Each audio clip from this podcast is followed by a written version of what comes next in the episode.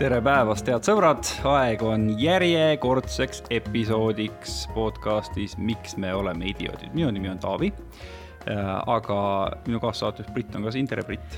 jaa, tere miks sa naerma hakkasid ma ei tea, see on iga kord nii naljakas ennast tutvustada, sest et kuidagi on niisugune tunne, vaata, et me ju teeme seda kogu aeg, me oleme kogu aeg needsamad inimesed ja siis on nii naljakas alguses alati nagu tere öelda. et jah, et, et ma ju tunnen sind juba äkki kuulaja tunneb ka. täpselt, äkki kuulaja ka juba tunneb meid. aga äkki on ikkagi täna ka mõni selline kuulaja, kes kunagi varem ei ole meie podcast'i kuulanud, ühesõnaga meil on selline tore pealkiri, aga, aga see ei tähenda, et me kedagi sõimaks isegi iseennast eriti ei sõima, võib-olla natukene, aga. no läbi nalja huumoriprisma, kui siis. jah, läbi huumoriprisma.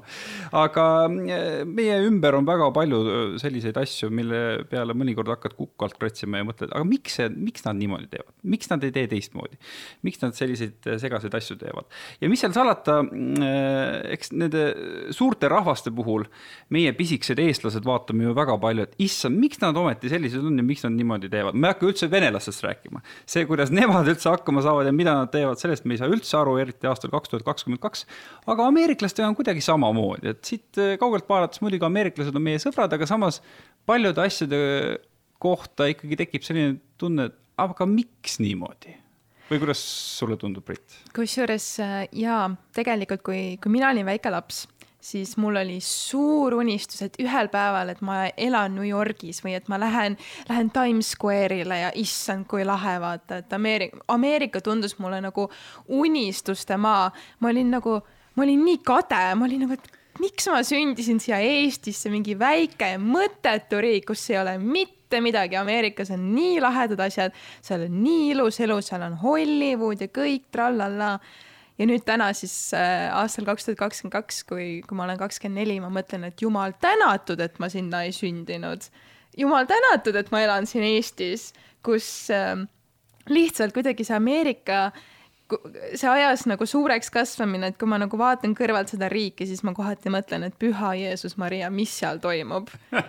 miks nad teevad nii aga me kohe jõuame selleni. kohe me jõuame selleni, meil on tänane külaline ka inimene, kes on, on sündinud küll Eestisse, aga, aga on päris pikalt tegelikult Ameerika Ühendriikides äh, tegutsenud, tegutsenud väga edukalt ja kellega me hakkame siis seda, seda kummalist rahvust äh, lahti mõtestama, küll on tulnud Merle Liivand, tere! tere! kuidas sind kõige lühemalt nagu tutvustada siis äh, kuulajatele, Merineitsi, võib niimoodi öelda? jaa, Merineitsi, kes äh, üritab maailma muuta alustuseks räägime selle loo ära, kuidas sa kunagi Ameerika Ühendriikidesse sattusid ja miks sa sinna pidama jäid? no peale keskkooli lõppu oli mul võimalus minna ülikooli äh, Ameerikasse ja äh, ma olin ennem ka Ameerikas käinud treeninglaagris, et, äh, et lõpuks, kui ma nagu leidsin selle ülikooli, ma teadsin, ma tahan minna Floridasse, ma teadsin, ma tahan õppida hispaania keelt ja mulle ladina kultuur vägagi huvi pakkus. võib-olla sellepärast, et liiga palju telenoveelasi siin Eestimaal näinud aga ma sattusin sinna ülikooli ja tuli välja, et see ülikool on täpselt kümme minutit sealt, kus ma ennem olin treeninglaagris käinud ja kui ma sinna jõudsin, äh, siis ma tahtsin olla ka ülikoolis äh, sportlane, mul olid vigastused, äh, mul on noh, tervisega olen kimpus olnud ja noh, ma tegelikult sündisin ka niimoodi, et tuleb välja, et minul ei ole teatud ensüüme, mida teistel inimestel peaks olema. aga kui ma sinna Ameerikasse jõudsin, siis, siis ma tegelikult ei teadnud, kas see ongi see unistus et kas see ongi see koht, kus ma tahan olla. et noh ähm,, aga millegipärast ma ikkagist nagu mõtlesin, et äh, alla ka ei anna ja üritan edasi ja üks asi on viinud teiseni, et täna olen ma merineitsi ja ajan äri ja võitlen äh, nii uppumissurmade vastu kui ka ookeanite heaolu eest kuidas sa selleni nagu jõudsid või et noh, see tuli, sa olidki nagu treeninud siis nagu uju, ujumisega mhm. onju mm -hmm.? Eesti, Eesti eest olen käinud ka võistlemas, ma olen võitnud medaleid Baltimaade meistrivõistlustel ja ma olin nagu rinnuliujuja ja mulle natukene nagu need vigastused olid just seotud selle alaga ja üks hetk nagu hakkas mulle nagu koitma see, kui ma nagu sain juba äripoolel tööle, et mind kutsuti maailma brändi Finissi tehasesse, et tule aita hoopis nagu tooteid arendada.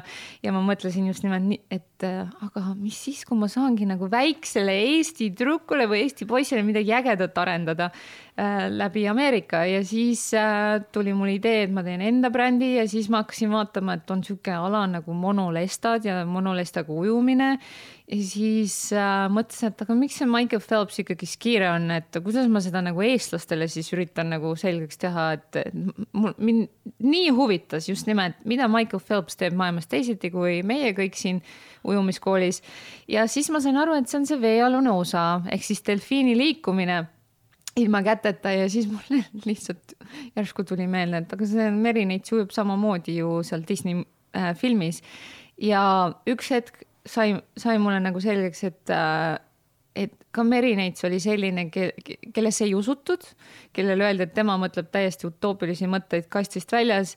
Ja see oligi see hetk, kus ma sain ka aru, et aga mis siis, kui tüdrukuid ja noori inimesi saab läbi Merineitsi teema spordi juurde tuua. et äh, isegi oma tervisemuredega on, olen ka ju mitte enda keha armastav inimene olnud e,. noh, paned trikoo selga, siis sulle ei meeldi natuke siit ja natuke sealt ja siis ma mõtlesingi, aga kuidas ma saan just nimelt noh, rohkem tüdrukuid selles mõttes basseini äärde, et nad ei häbeneks, kes nad on.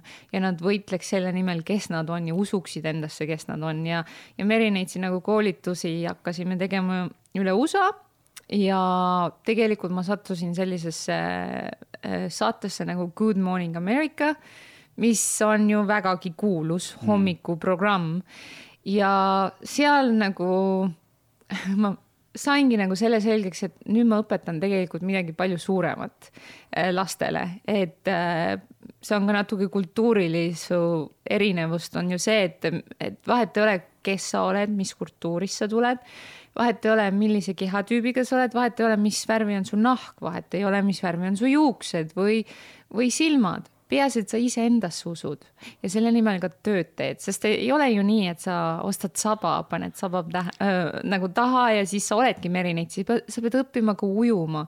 sa pead õppima ka armastama teisi inimesi, sa pead õppima ka näitama äh, just see, kes sa oled natuke nagu harmoonilised koos veega ja, ja sealt see kuidagi see Merineitsi teema nagu hakkaski pihta ja, ja läks, ütleme nii, et et me tegime selle saate Good Morning Americas ära, mulle isegi helistati, öeldi, et laivis vaada, vaatas meid kuus koma kolm miljonit inimest, mis on põhimõtteliselt terve Balti riik vaatas laivis, on ju aga sealt ma saingi aru, et see on midagi suuremat, mis me teeme ja sellest said ka paljud teised nippi ja siis tuli hästi palju erinevaid Merineitsi koolitusi Kanadas kui, kui USA-s, kes polnud üldse meiega seotud, aga hakkasid samamoodi asju arendama. no me, kui me kuidagi siit läheme nende ameeriklaste juurde, nende olemuse juurde, kas, kas selle põhjal võib nagu järeldada, et äh, ameeriklane on niisugune rahvus, kellele meeldib äh, see, kui inimesed hästi tõsiselt ja hästi südamega ajavad võib-olla natukene isegi jaburaid asju, esmapilgul jaburaid, et kogu see Merineitsi teema, lähme nädal aega tagasi, kui toimusid, toimus USA iseseisvuspäev, kui toimus jälle järgune suur hot dogi söömise võistlus, mille üle ameeriklased on noh, täiesti nagu pöördes selle üle, et kui keegi teeb midagi hingega, midagi jaburat, siis ameeriklastele vist meeldib või?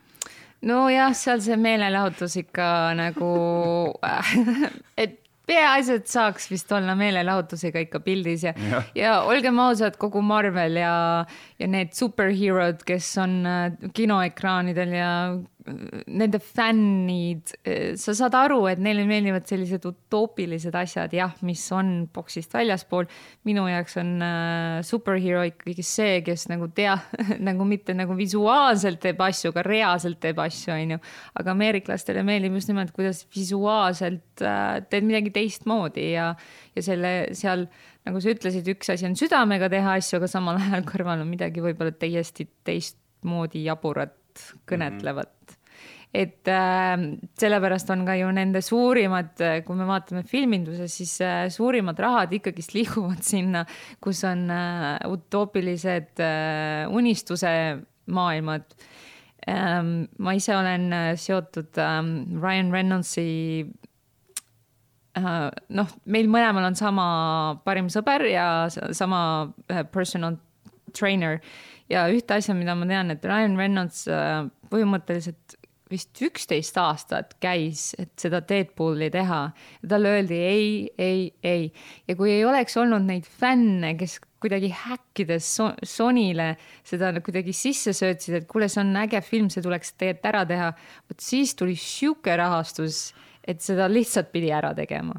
Ja sellist rahastust pole, no võtame sõjafilmid ka isegi saanud mm. -hmm. aga küsimus on siis selles, et Deadpool ei ole selline klassikaline äh, superkangelane, et ta on sihuke, sihuke naksakas tegelane, kes noh, ei ole, ei ole tõesti selline väga peavoolu karakter mm. -hmm jaa no tal on jah, siuksed natuke võib-olla siivutud naljad ja, ja kohati isegi sihuke antikangelase vibe on tal, ma ütleks. jaa, nagu must huumor või kuidas me ütleme seda, et omamoodi huumor mm., jah. no korra hüppan eemale, ühesõnaga sul on Ryan Reynoldsiga sama personaaltreener või? mitte ainult Ryan Reynoldsiga, väga paljude kuulsatega niimoodi, et kui mina oma rekordi tujun, siis vahest äh, jõuab ka nende äh, emaili boksi äh, lugu Merle Liivandist, nii et see on Aha. nagu, see on väga-väga lahe, sellepärast et äh, ma vahest olen noh, ise ka õpetanud, ma ei saa neid nimesid nüüd nimetada siin on ju, ise ka õpetan neid inimesi ujuma. ja, ja selles suhtes, et äh, mulle meeldib, kui ma saan nagu Eestit niimoodi tutvustada mm. -hmm. Ryan Reynolds'iga oled kokku saanud kuidagi? jah. ta tundub päris muhe tüüp. milline ta tegelikult on? see, kes ta on ta on ka päriselus päris selline ja, ja teda ei huvita kuulsus uh. -uh. kohe üldse mitte. ei, ta tundub lahe. aga korra, kui minna tagasi nagu sinna nüüd äh, see, kui sa esimest korda Ameerikasse läksid äh, mis oli võib-olla sinu jaoks kõige siuksem suurem, ma ei tea, kultuurishokk või et kuidas see Ameerika sulle esmapilgul tundus, sest et näiteks mina mäletan, ma olen käinud Ameerikas kaks korda esimene kord ma olin küll, see oli hästi-hästi ammu, nii et seda ma nii hästi ei mäleta, aga nüüd viimati kaks tuhat kuusteist aastal. ja ma mäletan, et minu jaoks kõige võib-olla ehmatavam oli nagu see, et need inimesed olid hoopis teistsugused kui eestlased. ma ei ole Eestis harjunud sellega, et mingi suvaline inimene tänaval tuleb ja ütleb mulle, issand, sul on nii lahe kleit või et issand, sul on nii lahe särk. ma lähen riidepoodi sisse ja müüjad on mingi oh my god, I love your shirt ja ma olen nagu okei okay,, aitäh, onju, või nagu, et see oli nii, see oli nagu tore ja samas hästi võõras ka ja ma ei tea, et kuidas sul oli, et kui sa esimest korda Ameerikasse läksid, et mis see nagu esmamulje oli? no ma sattusin üldse ladina nagu osakonda, et äh, kõik rääkisid hispaania keelt ja minu jaoks oli see, et issand jumal, ma nagu üritasin inglise keeles asjadest aru saada ja nüüd peab hispaania keeles ka saama, onju. ja no minul juhtus see, et kolmandal päeval ülikoolis äh, lausa tüdrukud tulid, ütlesid mulle, et äh, kui sina tuled nüüd siia food court'i, siis äh, istud jalgpallitiimist hästi kaugele ja siis ma küsisin, miks, et kes need üldse on ja nagu kus, mis mõttes. ja siis vastus oli see, et noh, sina oled mingi supermodell äh, Euroopast, onju.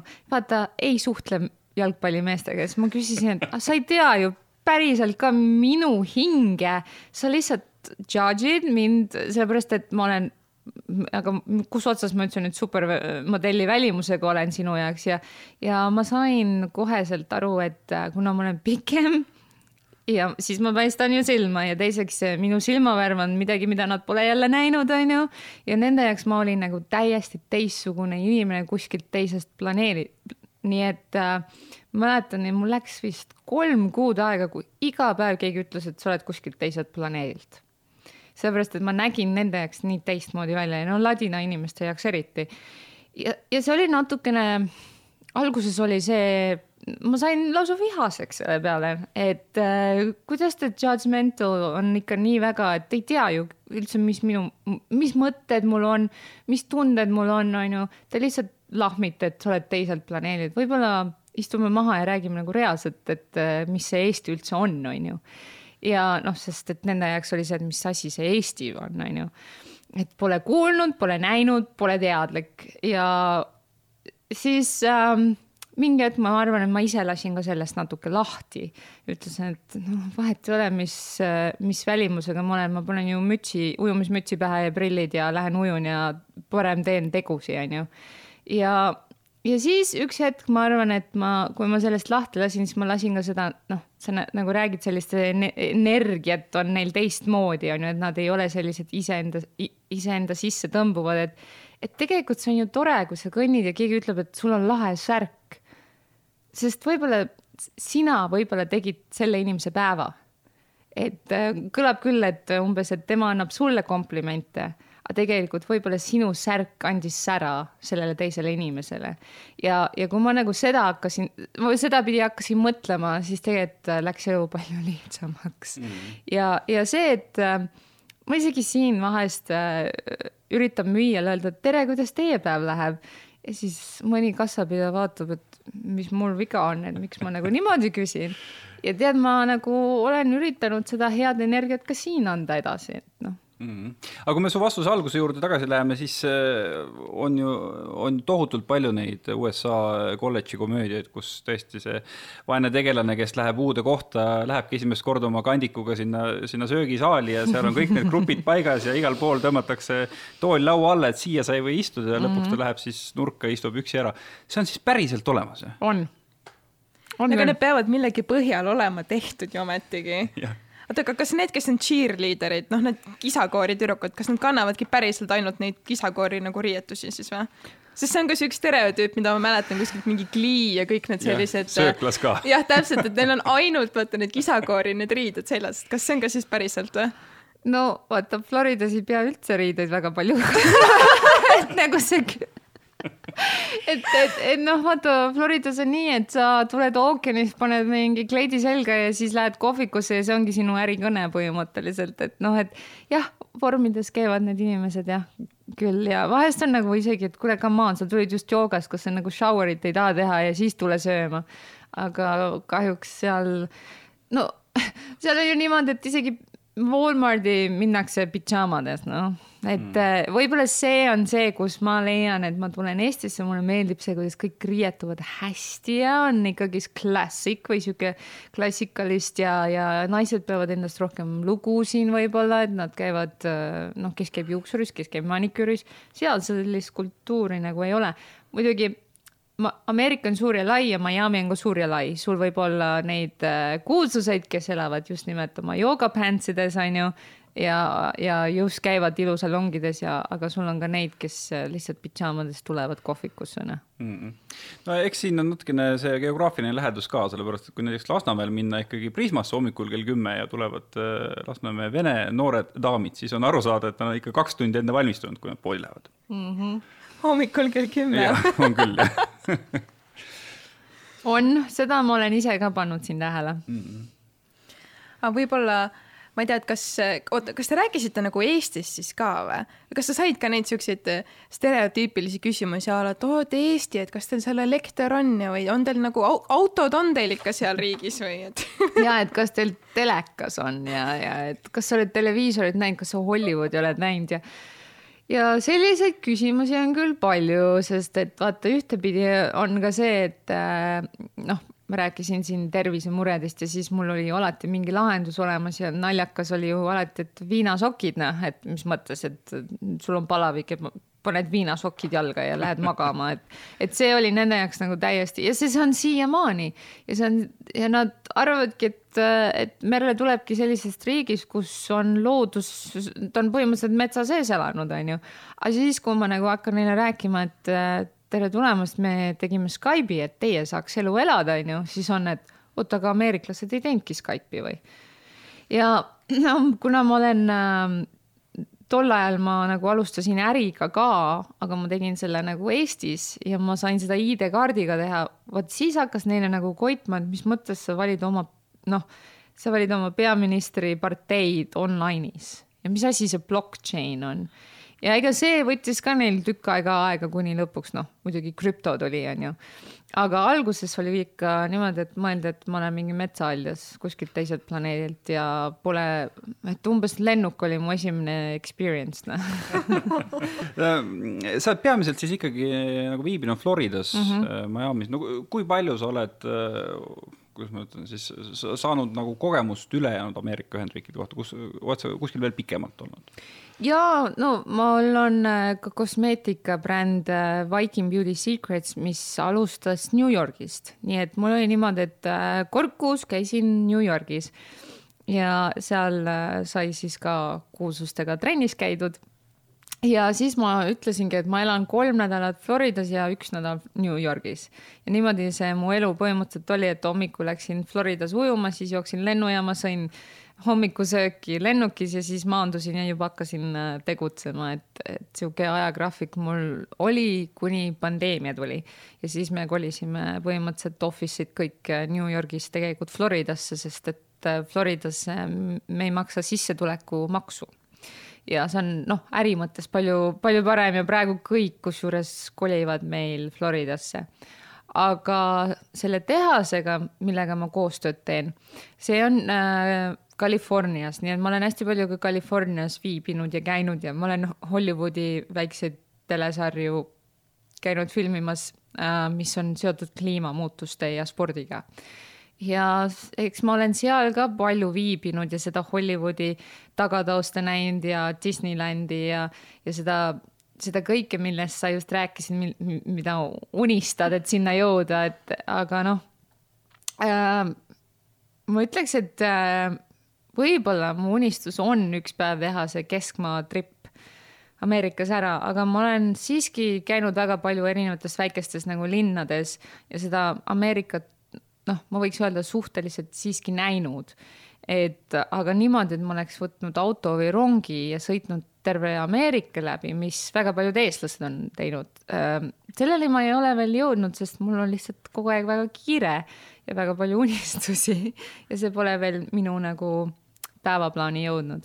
aga ma soovitan seda teha, sest et nagu Ameerika on nii suur maa, et seal on nii palju avastada ja, ja seda tasub teha, sest et tegelikult on ka see, et kui me räägime Ameerikast, räägime inimestest või räägime poliitikast, siis tuleb mõelda ju ka nende keskmaa äh, peale, nende, nende inimeste peale, kes mis otsuseid teevad, et, et kaaluda Ameerika tulevikku mm. -hmm teeme nüüd äh, väikse geograafiatunni ka, New York on, see on Kirde-Ameerika vist on ju, see on üleval, üleval paremal nii-öelda, eks ja, ja äh, Florida, see on nüüd all vasakul või all paremal? ta on äh, täiesti all jah. ta on Eastern time zone. ta, ta on ikkagi, mõlemad on idarannikul, idarannikul, jah. ja, ja, aga see minu vend tuli kunagi esimest korda New Yorki, siis tema arvas, et ta maandub New Yorgis ja siis umbes, et noh, et see on neli tundi ja siis oled Floridas on ju ja siis neli tundi ja siis oled Californias. ei ole nii, me käisime suusatamas äh, New Yorgi kõrval oleva Virginias ja see võttis äh, Floridast Virginiasse võttis kuusteist tundi autosõitu mm. niimoodi, et keegi pidevalt sõitis, see, see vahemaad on suured mis siis, et sa kiirteel sõidad, onju, aga siiski on vahemaad väga-väga suured ja selle vahemikku mahub ju väga palju linnu ja inimesi no jällegi paralleel äh, Hollywoodi filmidest, et äh, seal on ju tihtipeale niimoodi, et inimene elab kuskil Philadelphia's või Bostonis ja siis mõtleb, et unistab, et tahaks ka kunagi minna linna elama ja tööle tahaks New Yorki minna. kas, kas see, kui sa oled New Yorgis, see nagu idaranniku mõistes ongi, et nüüd sa oled nagu jõudnud linna pärale mm? -hmm. ja no selles suhtes äh vaata New Yorgis on, äh, on, on siis need kõrval olevad New Jersey'd, mis näevad välja vägagi eestipärased, need on kased ja seal on väga suur eesti kogukond ka. aga kui sa oled jõudnud siis nagu Manhattanile elama, siis põhimõtteliselt öeldakse, et siis sa oled nagu kuhugi jõudnud oma elus, sest sa elad ju Manhattanil, sa ei sõida tund aega subway või rongiga, et tulla tööle ja siis olla siin tööl ja siis minna tagasi iga päev tund või kaks tundi isegi, et äh, kui mina nagu New Yorgis elasin ja noh, üritasin samal ajal veel trennis käia, siis oli nii, et äh, kell kolm öösel pidin ärkama, et kella kuueks jõuda trenni ja ma olin, ma tulin Brooklynist, et minna Manhattani kõige eksklusiivsemasse ujulasse. aga ma jõudsin õhtu tagasi voodisse põhimõtteliselt äh, peaaegu kaksteist. et noh kolm tundi ja ülejäänud aja ma lihtsalt magasin Subway's ja see ja, ja see oli hetk, kus ma ütlesin, minus küll mingit Manhattani inimest ei saa, sest see ei, ei, see ei käi minu, minu eluga kokku ja teiseks ma arvan, et mulle meeldib ookeanis elada kui siin äh, sombuses Manhattanis. et noh, Manhattan on ju, ta on, ta on ilus äh,. see tohutu vibe, mis seal on, seda on tore nagu kogeda, seda on, see, sa lähed sinna, sa tunned, et kõik inimesed nagu tegutsevad, sa tunned, et sa pead ka tegutsema. sa, sa tead, et sa lähed äh, õhtusöögile Stevie Madden, kes on äh, teinud jalatsid, onju, ja seal tuleb keegi teine, kes on vägagi kuulus inimene, kolmas ja see nagu noh, sa tead, et seal nagu see um, connect imine ehk siis uh, omavahel um, kuidas ma ütlen eesti keeles seda sõna?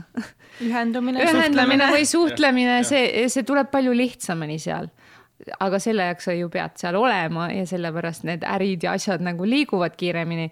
aga et seal nagu elada seda elu on raske ja sellepärast neil ongi ju Central Park, kus sa saad, kus sul saab nii siiber selles äh, Telliskivi majades, siis sa lähed ju sinna loodusesse, on ju, jooksma või, või, või loodusega linnulaule kuulama, aga, aga nagu selles suhtes äh, mulle alati meeldivad need inimesed, kes elavad Manhattanist väljaspool, et nad on, nad, nad on palju nagu stressivabamad, esiteks.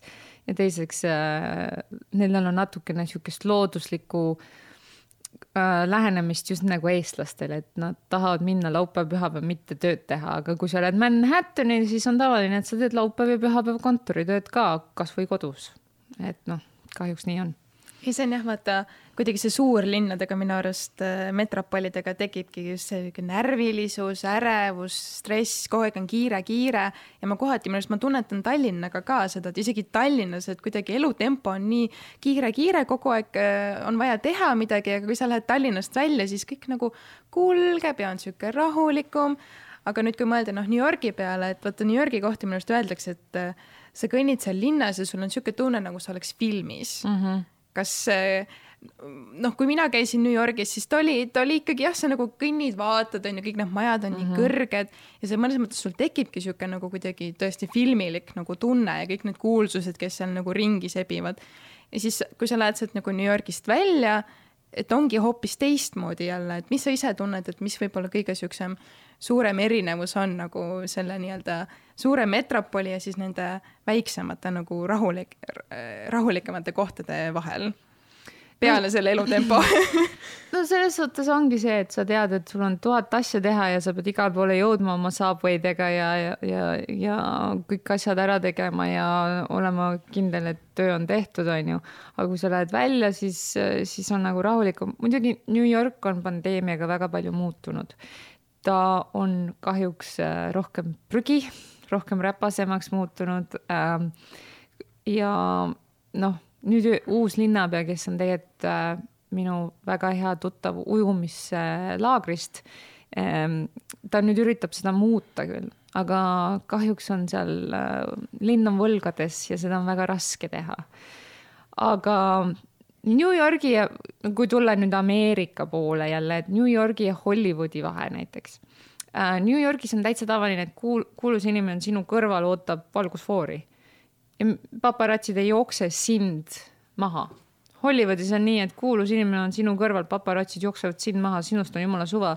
See kuulus inimene läheb nüüd üle tee ja teda jälitavad igatpidi paparatsid, et New Yorgis, ma arvan, on just nimelt see tore, et äh, sa saad olla sina ise, sa tead, et sul, sul võib approach ida keegi kõrvalt, on ju, äh, et äh, kuule, teeme selfit või nii, aga, aga noh, kus seal on nagu rahulikum selles mõttes, et sellepärast väga paljud Hollywoodi staarid, ega nad ju Hollywoodis ei ela, nad elavad kas New Yorgis Uh, nüüd elavad suhteliselt Miami's ja, ja võib-olla siis Hollywoodist väljaspool kuskil mere ääres.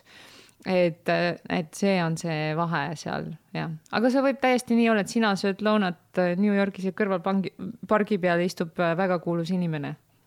et see on, see on see võib-olla movie-lik tunnetamine no kui me räägime nendest ameeriklastest, äh, kes on, äh, ma ei tea, pärit kuskilt Borati filmist või et äh, noh, sellised tõelised hillbillid.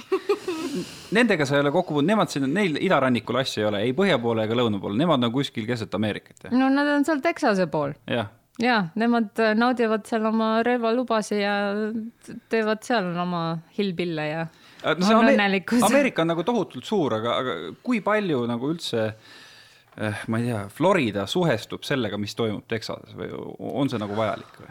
no vaata, mõlemad Texas kui Florida on vabariiklastest, äh, noh, see pealik on vabariiklane mm -hmm. ja selles suhtes suhestub, et nad mõtlevad selles mõttes samamoodi.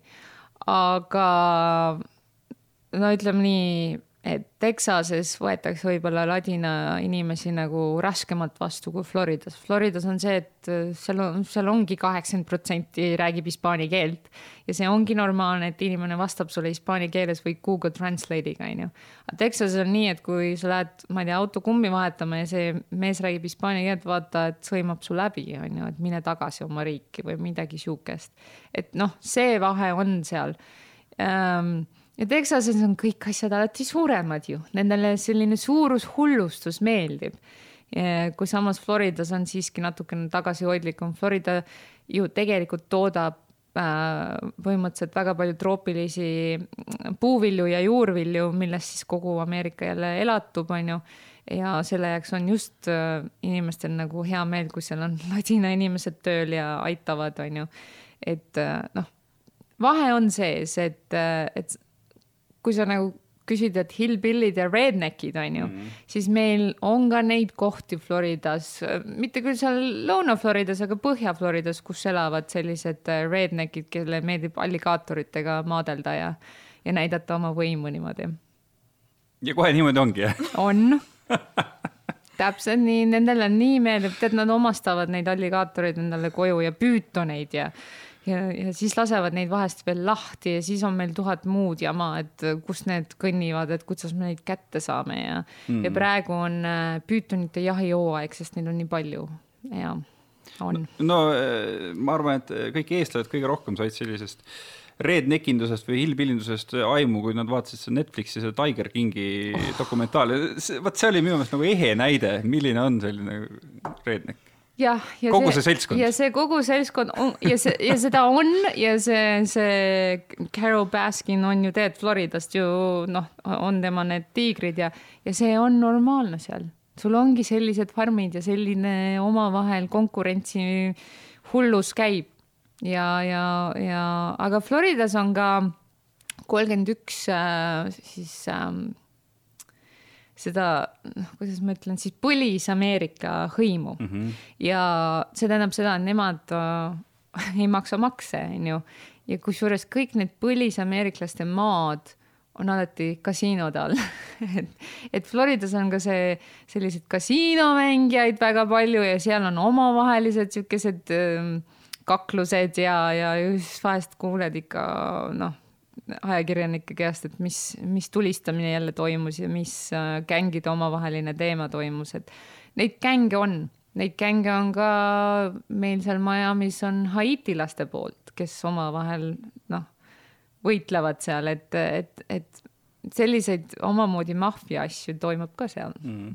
no selles mõttes on uskumatu, et kui Eestis on, on no ütleme siis sellised maakad, Eestis on ka maakaid, midagi pole teha, siis nad on ikkagi kuidagi saamatud, aga kui me mõtleme kasvõi selle Joe Exoticu või Carol Baskini peale, nad olid tegelikult ju väga edukad ettevõtted, aga tegelikult ja. täiesti ogar seltskond.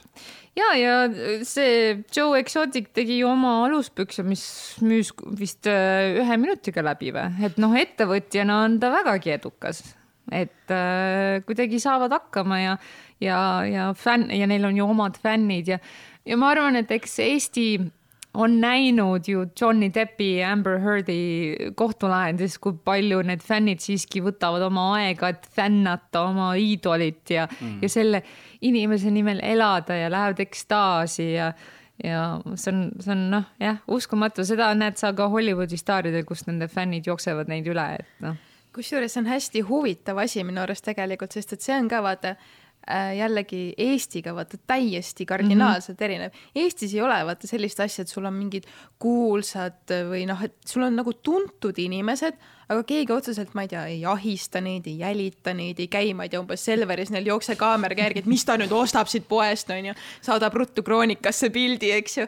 aga Ameerikas küll, et tõesti kogu see nagu see kuulsuste see sihuke kultus mm -hmm. või Mhm. sihuke idoliseerimine, et noh, ma jumala eest nagu pean jälgima igat selle inimese sammu, mida ta teeb, et, et miks see nagu nii on või et miks nad nii ihalevad nende kuulsuste nagu elude järgi, et neil on vaja kogu aeg teada, mida nad teevad ja nad hullult nagu ahmivad seda infot endasse no ma ei, see natuke tuleb võib-olla sellest, et miks üldse Disney on näiteks edukas, on ju. et, et, et sa näed, et see kuulus teeb sellist asja, ma tahan ka, vaata. Disney's oli ju, et Merineits ujub sabaga, sa tahad ka Merineitsiks saada, on ju. et ma arvan, et see tuleb natukene sellest eh, Disney, Walter Disney maailmast natuke, Universalist on ju, et et siin jah, sa ei näe seda ja vaata, mulle meeldib see Alexander Skarsgård, kes on ka ju väga kuulus Rootsi näitleja, tema terve suguvõsa on näitleja, kusjuures Times Square'is jooksis mulle otsa ja see oli nii naljakas, ma ütlesin talle vabandust ja siis äh, ütles, ei ole midagi ja siis ma ütlesin takk onju ja siis ta vaatas, et kas sa räägid rootsi keelt onju. ja, ja, ja see, tema on näiteks üks ehe näide, kes äh, on rootslane, ta võitis ju väga palju auhindu ja ta ütles, et üks vahe on see, et Ameerikas sa nagu pead ütlema, et mul on sellised auhinnad. aga Rootsis on vaata see janta löögen on ju, et sa pead suruma hoopis oma kuulsust alla, et umbes mida sa siin näitad ja miks sul üldse ägedamad asjad on, on ju. et ma arvan, et eestlastel ka on natuke nii, et, et, et ära nüüd liiga palju üles tõuse ja oma saavutustest räägi, vaata, on ju. et ähm, jah, ma, ma nagu ei oska selle sada protsenti vastust sul leida aga, aga ma usun, et vahe on Eesti ja ameeriklaste vahel, sest et isegi mina arvan, et Eestis kõik inimesed, noh, mõni teab, mõni ei tea, on ju, minu tegemistest, aga Miami's näiteks me käisime kanal kaks tegi dokumentaali, mis tuleb äh, oktoobris välja. Ja juhtus selline asi, et iga nurga peal keegi ütles mermaid, Merle ja siis isegi saatejuhid olid, et kuule, sa vist oled väga kuulus siin onju et, et Tallinnas või Eestis küll mul sellist asja ei ole, saab rahulikult oma asju teha ja elada nagu see Aleksander Skarsgård noh. no eestlased on jah tagasihoidlikumad, kui nad kained on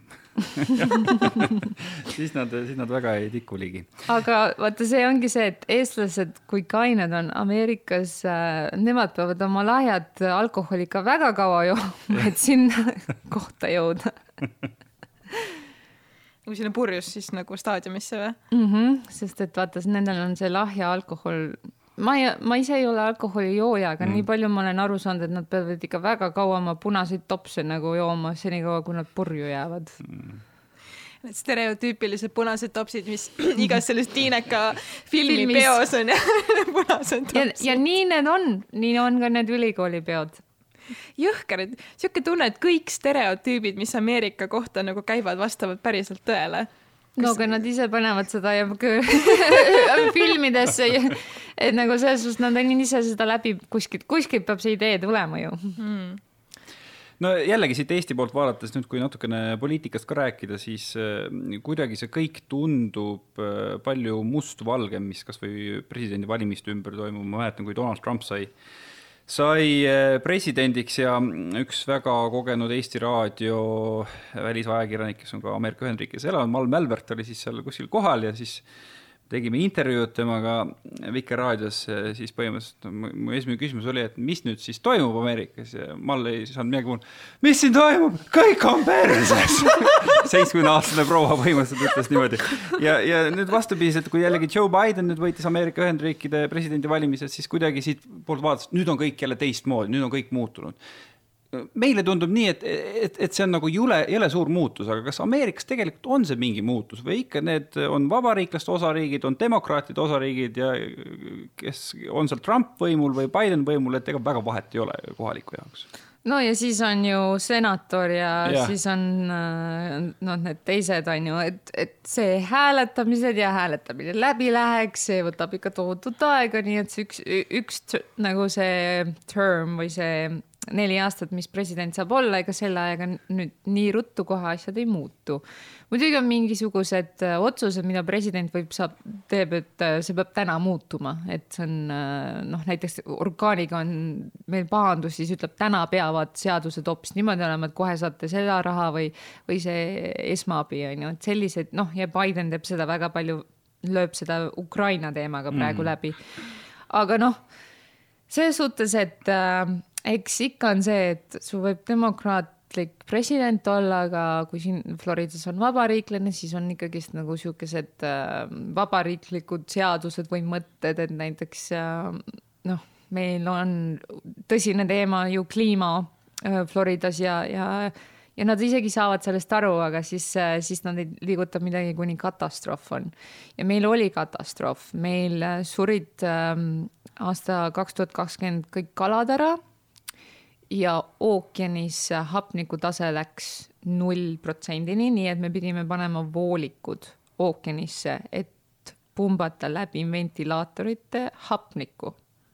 mis on täiesti, me rääkisime filmidest, see oli minu jaoks reaalsus, see ei ole film enam. ja sellel ajal tuli välja, et see, et on lihtsalt vabariiklaste noh, ärihuvid on olnud seal ja et nad on lasknud sinna igasugust ähm, väetisi.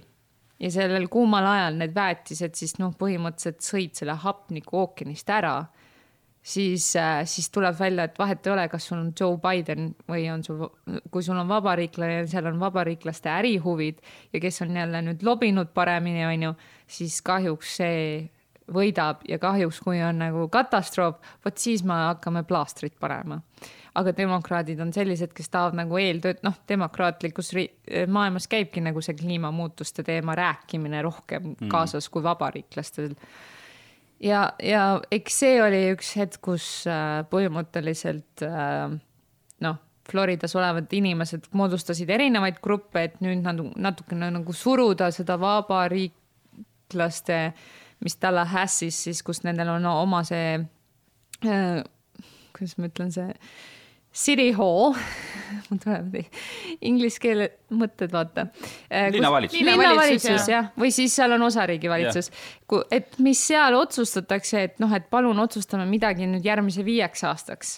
ja see viis aastat, see vahet ei ole, mis ju president tuleb, see seadus peaks nagu kehtima järgmise viieks aastaks, et äh, väetist ei panda ei ole vaja müüa sul miljon dollari maja ja ilusa rohelise kattega, on ju, suvel, et te pead hoopis kasutama teist väetiste nagu võimalust.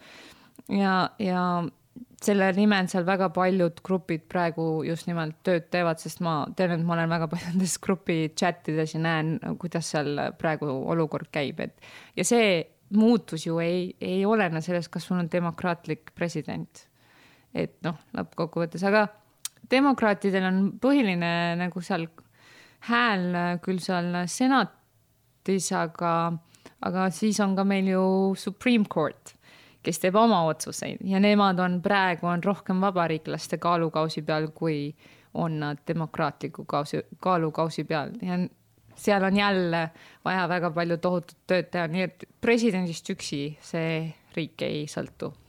Kui me ülemkohtust räägime, siis muidugi viimase aja kõige, kõige šokeerivam sõnum, mis sealt tuli, oli, oli see, mis puudutab äh, abordiõigust. Äh, räägime selle asja nüüd selles mõttes selgeks, et anti osariikidele vabad käed abordi üle otsustamiseks, see, see ei ole see, et nüüd abort nagu oleks ülemkohtu poolt keelatud, eks mm. -hmm. mis, mis see olukord siis praegusel hetkel on, kas, kas nagu osariigid siis hakkavad aborte keelustama või kuidas sulle tundub? seda juba on tehtud tegelikult jah, selles suhtes, et äh, näiteks Florida pani küll bänni, et praegu see ei lähe veel jõusse, et äh, nad veel arutavad, aga ma nägin eile kusjuures äh, seoses sellega huvitavat case'i Texasest, kus äh, meil on nagu see kiirteel on eraldi rada, mis on, sa võid seda võtta siis, kui sul on kõrval olev äh, kaasreisija. Ja politsei siis pidas äh, ühe naise kinni ja, ja ütles, et aga sul ei ole ju kaasreisijat ja naine ütles, et kuidas ei ole. ma olen kolmkümmend neli nädalat rase, teie seadus ju ütleb, et kui on eostatud, siis on juba inimene mm. -mm. et siis sa ei saa mulle trahvi anda, nii et äh, tegelikult äh, seadusega on mul kõik õigused olemas, mul on kaasreisija lihtsalt kõhus. aga ta on ju olemas ja, ja naised on selliseid nutikaid, huvitavaid äh, case'e leidnud, kuidas selle vastu nagu võidelda. muidugi on see, et kui sa oled, kui sul ei ole rahaliselt võimalust minna aborti teha ja sa pead nüüd minema võib-olla sõitma teise osariiki ja sa ei tea ju neid arste seal ja sa ei tea, kas need arstid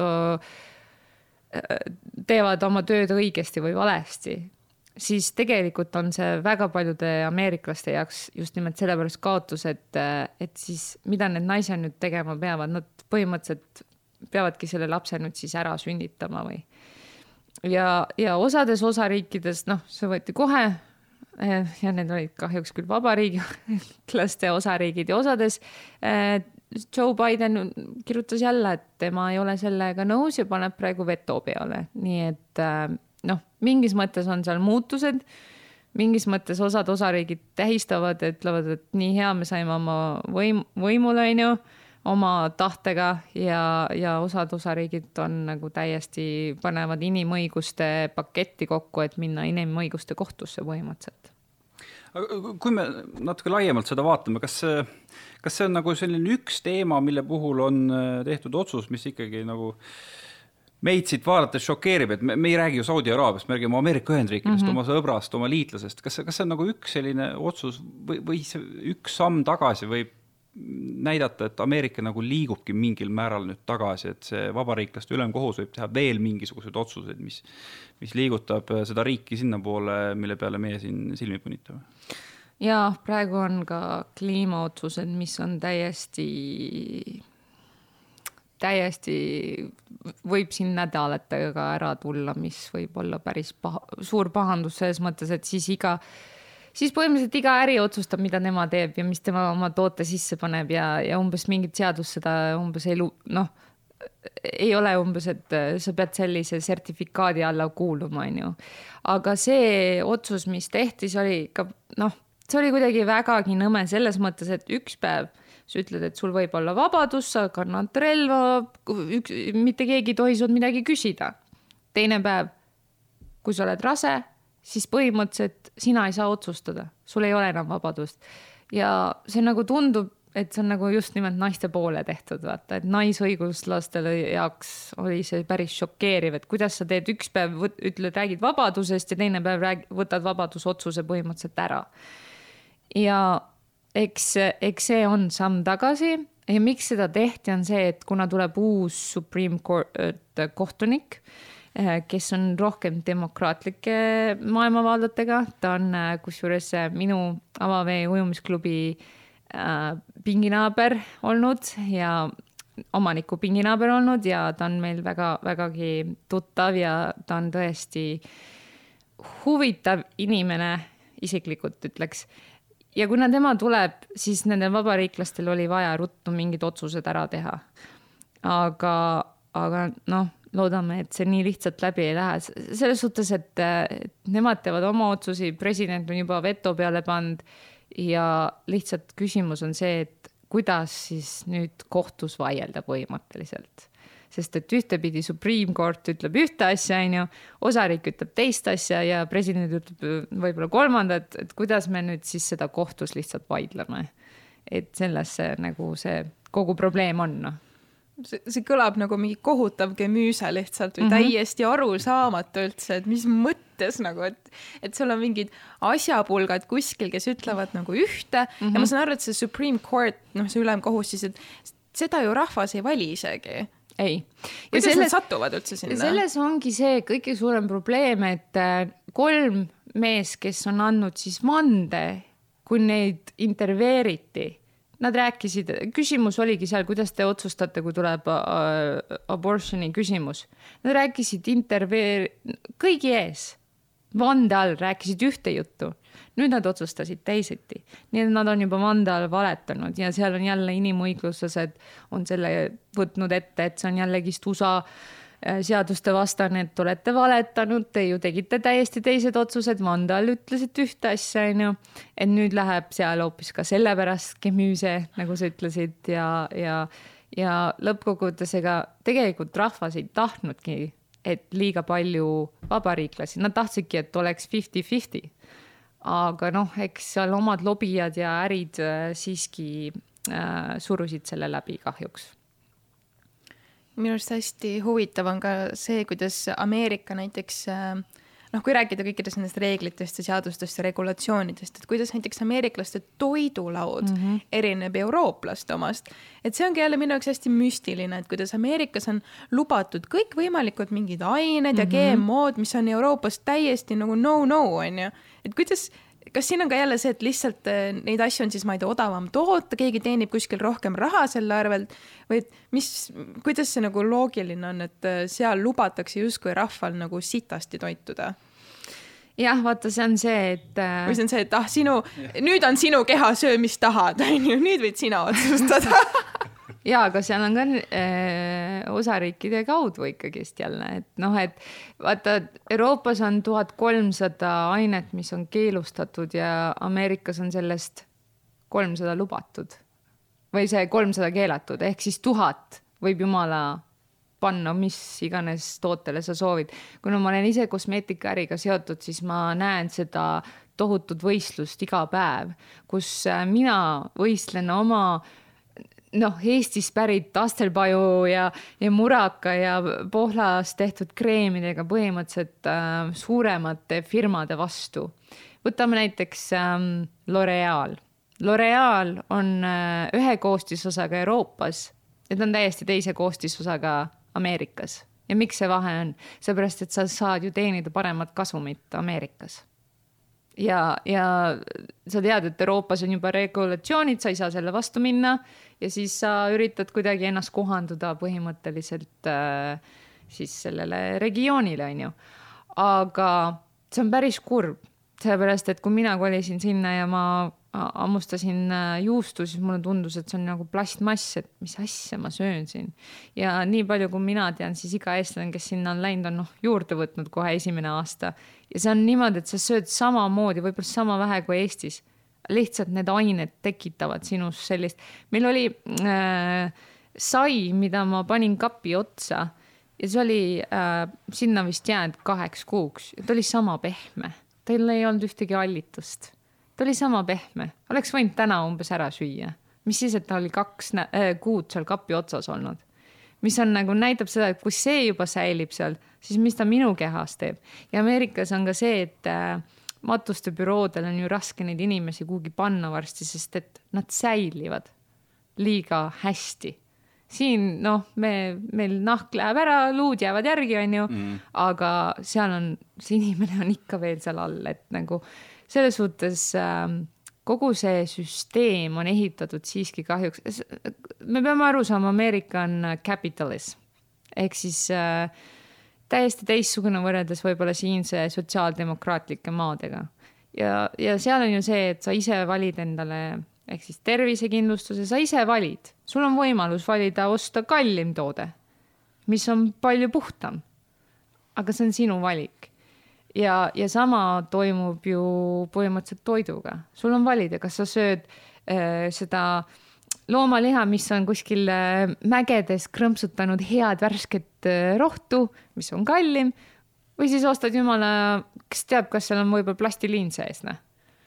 et noh, see on, see on kahjuks ja, ja kui inimkond kahjuks pole veel sellel teemal haritud, et lugeda ja, ja Ameerikas on kusjuures sihuke seadus, et sa ei peagi panema kõiki äh, tood-, noh, kõiki neid ingredients'e, koostisosi, et sa ei pea panema neid kõiki äh, pakendi peale, nii et ma võin võtta hakkliha, mis näeb välja, mul on hakkliha, võib-olla on seda isegi värvitud vahepeal.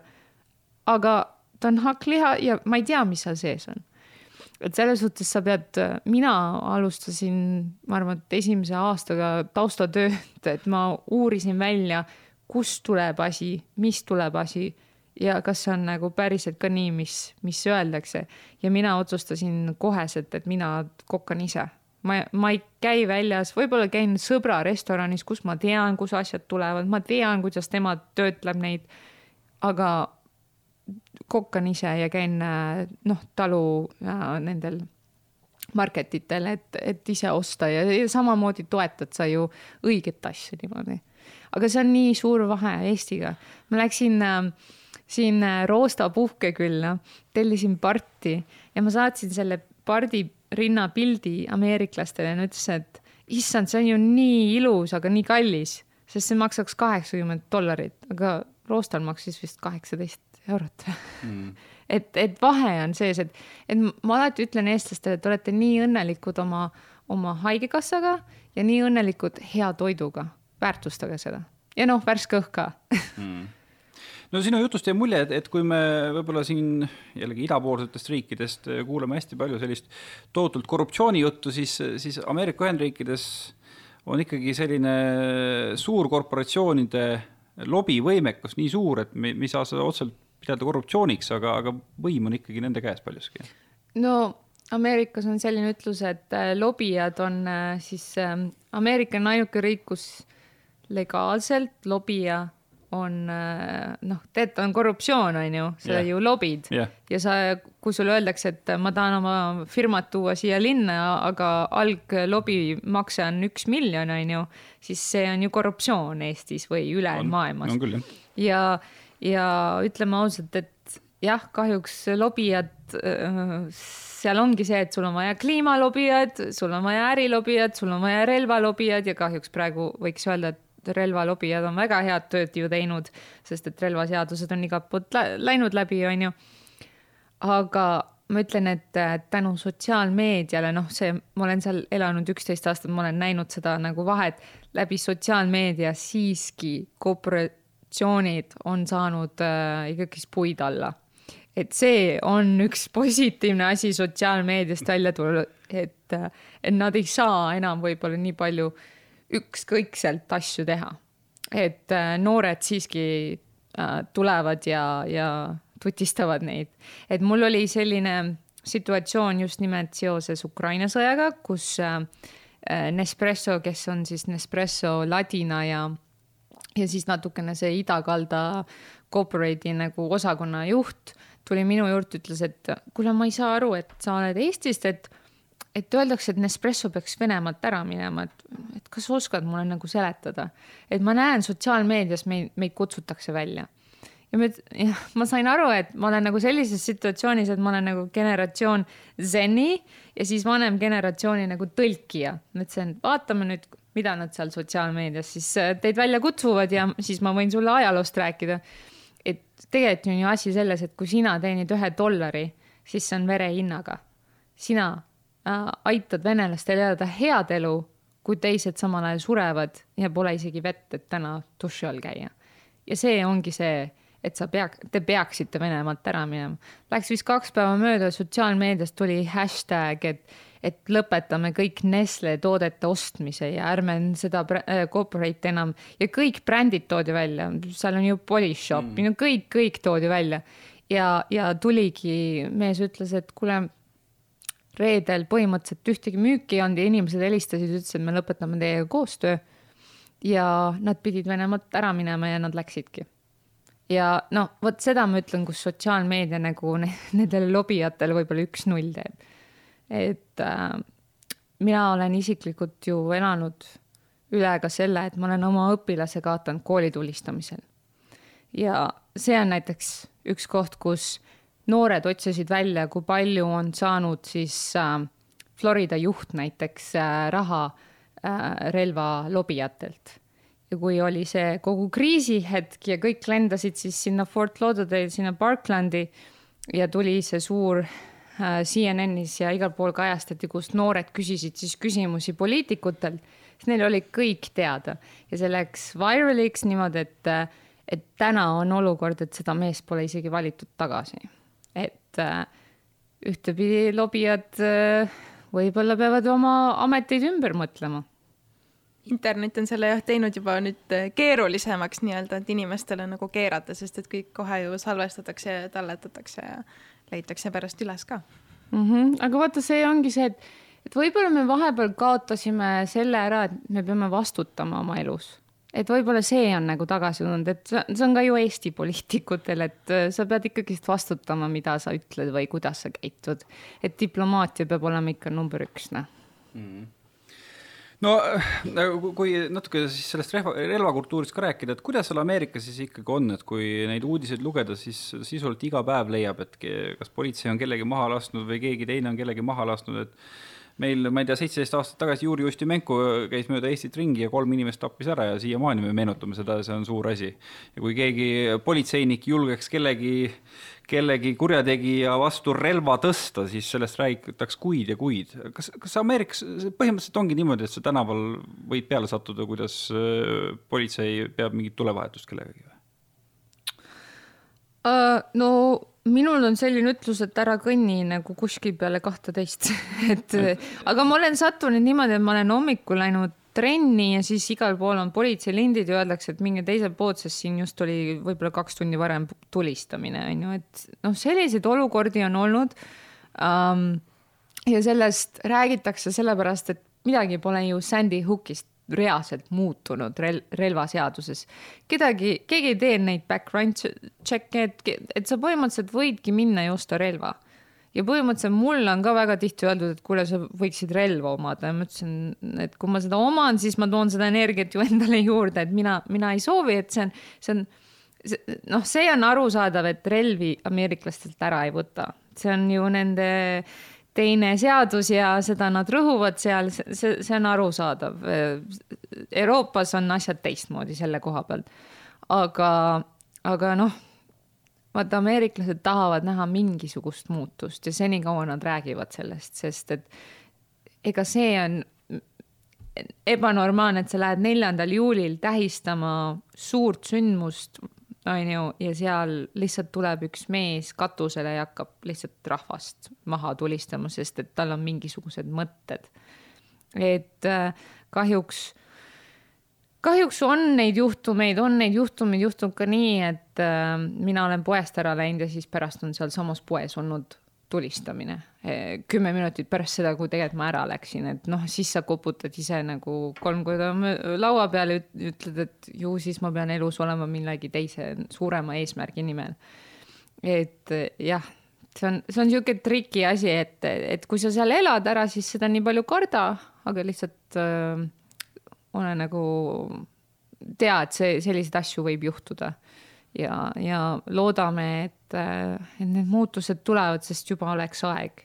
et minu meelest Matthew McConnelly oli, tal oli väga hea kõne peale seda, mis juhtus Texase väikelaste koolis, et tema see kõne tõesti minu meelest pani mõtlema nii vabariiklasi kui ka demokraate, et see seadus tuleb nüüd kiiremas korras vastu võtta võib-olla lõpetuseks siis, et lihtsalt, et kui juba jõuds-, noh, me jõudsime nii õudse nagu teemani ja kõik see, et mis me siin ka selle tunni aja jooksul lahkasime, et miks sa ise võib-olla oled otsustanud, et see on see riik või see on see koht, kus sa tahad olla, tahad oma äri teha, tahad seda missiooni täita, et miks just Ameerika või mis äh, sind seal nagu hoiab, et ju, ju siis seal peab ka midagi head ikkagi olema? no on, ma ju ma olen saanud ju Miami linna pealt oma päeva. et selles suhtes äh, ma siiski leian ühtepidi, et sa oled tulnud väiksest Eestis ja keegi sind väärtu-, väärtustab, mida sa teed, kuhu sa tahad jõuda. Ähm, need inimesed, kes nagu toetavad sind, nad noh, mina olen tõesti leidnud enda ümberringi vägagi positiivsed inimesed ja mu, mu enda tänaval elab kaheksa eestlast, nii et ma ei tunne, me käime Eesti saunas on ju, et, et, et mina leian isiklikult, et võib-olla ma Eesti jaoks võib-olla oleks liiga väikseks jäänud. et mina tahan äh, teha rohkem maakerale ja, ja need noh, seal Florida päikese all on nagu väga lahe ju käia iga hommik ookeanis ujumas, on ju. aga Flori- või mis nagu Ameerikas on lahe, nagu ma alustasin seda juttu, et et sind väärtustatakse, sind pannakse tähele, kui sa teed midagi teistmoodi, sa oled noh, mitte nii, et sa oled mingi äge, et ma nüüd üritan seda hullult sotsiaalmeedias äge, seda pannakse inimlikkuses tähele. sulle öeldakse aitäh, et sa käisid kolm tundi ja koristasid ookeani. Eest-, eestlane oleks umbes, et mis on, ah okei okay. mine, mine koju ära umbes noh. et vaata, see energia võib-olla mind siiski sinna kutsub. et ähm, ma arvan, igas riigis on rohi ro,, rohi ei ole kunagi rohelisem kuskil mujal, et ma loodan, et eestlased on selle nagu selgeks õppinud, on ju, aga ne, see, et sa saad teha suuremaid asju, see, see on see, mis Ameerika, Ameerika võimaluste maa siiski on mm. selles mõttes. No praegu on paraku, paraku nagu selline aeg, kus äh, me jube nagu hirmunult vaatame sinna ida poole ja, ja väga suurelt loodame ka Ameerika Ühendriikide peale. Sa oled nagu hästi kursis, mis USA-s tegelikult mõeldakse selle kõige kohta ja, ja, ja mida arvatakse, mida tavainimesed mõtlevad, kas, kas meie lootused, mis me oleme pannud USA peale, kas, kas me, need lootused on nagu õiged, kas me võime olla nagu kindlad, et kui läheb jamaks meil oma naabriga, siis ameeriklased nagu tahavad ka appi tulla, nad teavad, et nad peaksid appi tulema. ma eile nägin, kusjuures äh, see oli Vene kanal, Vaba Euroopa, yeah. venekeelne kanal, ütles, kuidas kunagi Teise maailmasõja ajal tegelikult Ameerika tuli lausa Nõukogudele appi, sest Saksamaa pommitas, on ju. ja seal oli sihuke ütlus, et äh, ameeriklased on alati aidanud, nad on selles, noh, see on teada, et kui sinul maja põleb, siis tuleb ameeriklane appi sest ega ameeriklane ei taha, et tema maja nüüd põleb või tema linn maha põleb mm. -hmm. et see on ameeriklastel olemas ja see mulle ühiskonnas meeldib ka. et, äh, et kui me vaatame, kui palju annab Ameerika Ukrainale, on, on ikka tohutu, see raha hulk on tohutu, see sõjaväeline support on tohutu, aga ameeriklased on ka aru saanud, et küberkaitses on ukrainlased neid aidanud. ja see ongi, kus nad väärtustavad seda, nad Äh, mitte kõik ameeriklased ei tea, et ka Eesti ja NATO küberkaitse on Ameerikat aidanud, ma vahest üritan seda neile nagu tutvustada, aga ameeriklastele tundub hetkel olukord nii, et me peame Ukrainat aitama. sest on ja see tuleneb jälle sellest, et noh, seal elab väga palju ukrainlasi, kes tõstab häält ja helistab senatoridele ja noh sealtpoolt kongressile, on ju. ja ka e väliseestlased teevad väga palju lobitööd, et Eest, Eest, Eestil oleks NATO ja Eestil oleks äh, turvalisus. et äh, mina positiivselt arvan, et kõik on hästi ja mõtleme niimoodi ka ja me peame olema alati heades suhtes no see on tore mõte, millega lõpetada, et kõik on hästi. jah, palju positiivsem Merle ja Liivand, suur aitäh, et tulid külla, oli, oli väga huvitav tund ja ma kujutan ette, nii meil kui kuulajatel on kuidagi natukene selgem see, see pusle, mis meil on peas Ameerika Ühendriikide kohta, eks? absoluutselt. Ameerikal on väga mitu nägu ja kuigi mõned neist on natuke võib-olla kehvemad kui teised, siis ikkagi noh, suures pildis see on siiski unistuste maa, võimaluste maa ja ta on suurem kui Eesti, nii et ei saa midagi ju pahaks panna suur, suur riik, palju inimesi. Ja, ja ma arvan, et äh, iga eestlane, kes läheb Ameerikasse, öelge talle, et hoidke seda lippu kahe riigi vahel kõrgel. aitäh, Merle ja aitäh teile, head kuulajad, me kohtume järgmisel nädalal jälle. absoluutselt